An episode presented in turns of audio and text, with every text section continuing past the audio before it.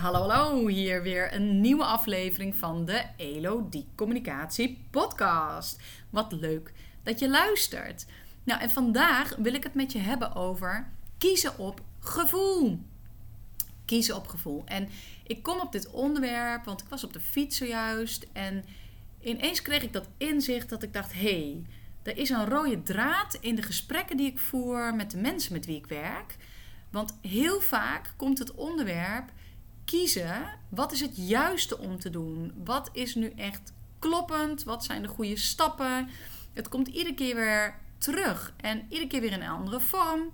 Ehm, maar het is wel echt een rode draad. En het interessante is dat heel vaak als we dat gesprek over die keuzes hebben gevoerd, krijg ik weer terug. Ja, ik wist eigenlijk wel dat dit het juiste was om te doen. Alleen ja, was het gewoon heel lastig ook om deze beslissing te maken. En wat ben ik blij dat het me nu gelukt is om dit echt te besluiten. En ja, ik vind dat heel interessant. Dat ik denk, wacht even, we weten dus eigenlijk al wel, en ik herken dit ook bij mezelf, um, wat het juist is om te doen. En als we dat toch weten, hoe kan het dan toch dat het besluit nemen zo lastig is? En ik had het vandaag weer, was ik in gesprek met iemand en dat ging dan over een. Um, een locatie om te gaan werken. Van ja, moet ik daar ja of nee tegen zeggen? Want oh, het is toch zo'n fantastische kans. En, maar ze wist eigenlijk al wel, dit is niet het juiste om te doen. Voor mij, nu, op dit moment in de tijd. En toch is ze dus um, ja, allerlei argumenten gaan verzinnen. Alles, hè, dan ga je alles op een rijtje zetten. En dan ga je dus denken, wat zijn de voordelen, wat zijn de nadelen? En dan kun je dat helemaal met elkaar afwegen. Allemaal heel fijn. Maar het maakt het ook ingewikkeld in je hoofd. Hè? En soms kun je daar gewoon helemaal in vastdraaien. En, uh, en op het moment dat zij het besluit genomen had om het niet te doen, want dat was blijkbaar het juiste voor haar. Oh, die lekkere opluchting die volgde. En ook die spanning van het nieuwe avontuur. Van ja, maar hoe dan wel? Hè, dat komt dan daarna. Um, maar dat is gewoon een. Ja. Ik vind dat heel fascinerend. Omdat het het creëert, hè, keuzes maken creëert ruimte. Ik denk dat dat sowieso uh, zo werkt. En ik had laatst ook met iemand anders die de baan heeft opgezegd, haar loondienstbaan, om dus echt helemaal voor het ondernemerschap te gaan. Kijk, ja, ik kan die keuze niet maken voor haar. Maar wat ik wel kan doen, is naar haar luisteren en haar teruggeven wat ik hoor in haar verhaal. En ja, je hoort het hè, en je weet het zelf ook van wanneer praat je met je hoofd en wanneer luister je naar je gevoel. En Um, ja, en, en soms raakt dat wat verstrikt. Dan weet je even niet meer wat je nu voelt en wat je nu denkt. Um, en waar je nu het meeste naar moet luisteren.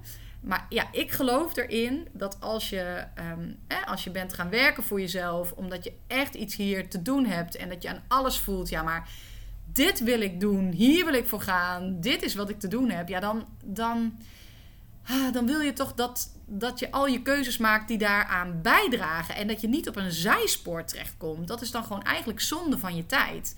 Dus het is belangrijk dat het past bij jouw hoofdpad. En dat je voelt, ja, dit is voor nu het, uh, het juiste. En nou, ik heb hier laatst een podcast over geluisterd. Ik luister veel podcasts, vind ik echt heel leuk. En deze was van uh, de, de Succes van Psychologie podcast van uh, Albert Sonneveld en Tony Loorbach. Ik weet niet of je het kent. En die ging ook precies over dit onderwerp. En um, de, even kijken, welke aflevering was het? Uh, ik heb het voor je opgezocht. Aflevering 121. Um, ehm, twijfel zit in je hoofd en weten in je hart. En dat is ook precies wat ik, uh, wat ik geloof hoe het werkt. En zij leggen dat in die podcast ook heel helder uit. En, um, en dus ook dat eigenlijk dat zuivere voelen, dat weten, dat is eigenlijk vaak een paar seconden dat die emotie duurt. En vervolgens, wat er dan gebeurt in de volgorde, hè, dus eerst emotie, zuiver voelen. En daarna gaat je hoofd aan de haal en die gaat met allerlei argumenten in de weer. En die vertroebelen eigenlijk dat wat je, wat je al wist. En het helpt dus enorm als je um, uh, dat moment gaat herkennen dat je zuiver voelt.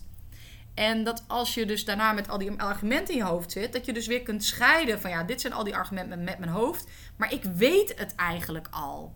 En dan kun je het jezelf zoveel makkelijker maken door dat soort besluiten gewoon ook ja, met je gevoel te doen. En tuurlijk mag je erover nadenken en kijken van, is dit wel het juiste om te doen? Want je wil ook niet hebben dat je, hè, dat je spijt krijgt van je beslissing en van de stap die je gezet hebt. Ehm, maar ja, ik ken maar weinig mensen die zeggen: Ik heb uh, spijt gehad van een, uh, van een keuze die ik gemaakt heb, omdat het helemaal kloppend voelde. Nee, toch? Dus um, tenminste, ik niet. Als ik terugkijk op mijn leven en al die keuzes die ik gemaakt heb, en die ik gemaakt heb op, mijn, op puur mijn, mijn, gevoel, ja, daar sta ik achter. Ja, en natuurlijk pakt het wel eens anders uit. Dat je denkt, oh, ik had toch uh, ja, meer zus of meer zo. Maar dan nog heb ik geen spijt van het besluit. Want toen, op dat moment in de tijd, was het het juiste om te doen. En dat wist ik. Dus dat, uh, ja, dat, dat, dat maakt het allemaal zoveel eenvoudiger. En uh, nou ja, dit is dus een manier waarop ik dus heel graag met, uh, met beslissingen omga en daar ook naar kijk. En dat doe ik voor mezelf. En dat, uh, ja, zo kijk ik dus ook mee met anderen. En ja, je kunt het op alle gebieden in je leven toepassen. Je kunt het uh, met het kiezen van een huis, met relatie, met vriendschappen. Met, ja, als we gewoon heel zuiver voelen en dat volgen, ja, dan, dan wordt het allemaal zoveel makkelijker. Dan is het allemaal zoveel makkelijker. En dat ervaar ik zelf, uh, zelf ook. Dus nou ja, dit is dus een, uh, een, uh, een verhaal om dus, nou ja, voor jou misschien ja, na te denken op het moment dat je een besluit aan het nemen bent. Dat je dan gaat denken van ja, in hoeverre ben ik nu aan het argumenteren en ben ik eigenlijk aan het rechtvaardigen van, van wat ik voel. Um, en wat is nu eigenlijk dat hele zuivere gevoel? Kun je dat nog terughalen? Dat toen je over het onderwerp begon na te denken. Weet je, maakte je hart een hupsje van oeh, zin in? Of voel je van, oh, mijn energie zakt weg. Weet je, je, je voelt dat in je energie. En ja, hoe ik dus dan graag werk. En dat is dat um, als ik dan met iemand in, uh, in gesprek ben, dan geef ik alleen maar die energie terug. En zo van net hoorde ik je dit en dit zeggen en zag ik dit en dit bij jou. En nu kijk je zo blij en nu voel ik zoveel opluchting bij jou.